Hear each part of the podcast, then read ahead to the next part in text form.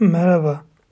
Şiir ve edebiyatı buram buram barındıran Bize Ait Bir Dünya kanalına hoş geldiniz.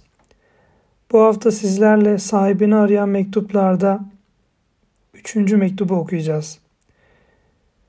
Üçüncü mektubu zaman kaybetmeden okumak istiyorum çünkü çok güzel bir mektup.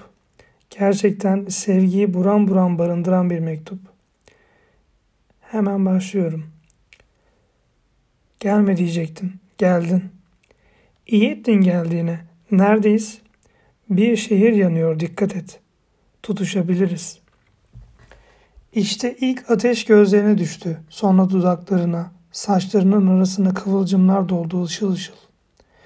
Yanıyorsun, yanıyorum, yanıyoruz. Aramakla yetinsek bunlar gelmeyecekti başımıza. Yine de memnunum. İyi ettin geldiğine. Taş olup kalmaktansa Ağaç olup yanmak iyi. Ellerini ver ellerini. Öpüşmeye susadım. Tırnak uçlarından öpmeye başlayacağım seni. Titreme yanıyorsun.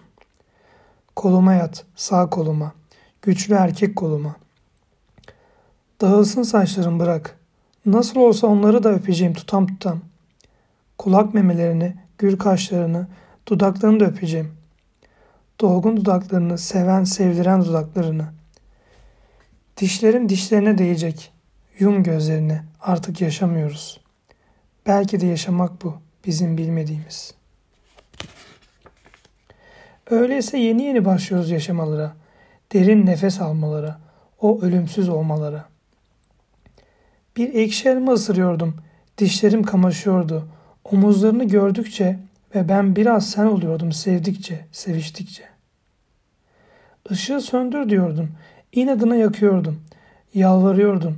Çıldırıyordum. Hiç ağlamadın. Ağlasan ne değişecekti? Ama ağladın işte yükseldin, yüceleştin.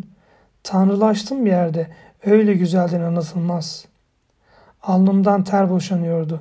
Saçlarım yapış yapış olmuştu. Yüz merdiven inip yüz merdiven çıkıyordum bir dakikada. Derin bir kuyudan su çekiyordum. Bir mağara ağzından sana sesleniyordum.'' Karanlıklar içinde birbirimizi aydınlatıyorduk.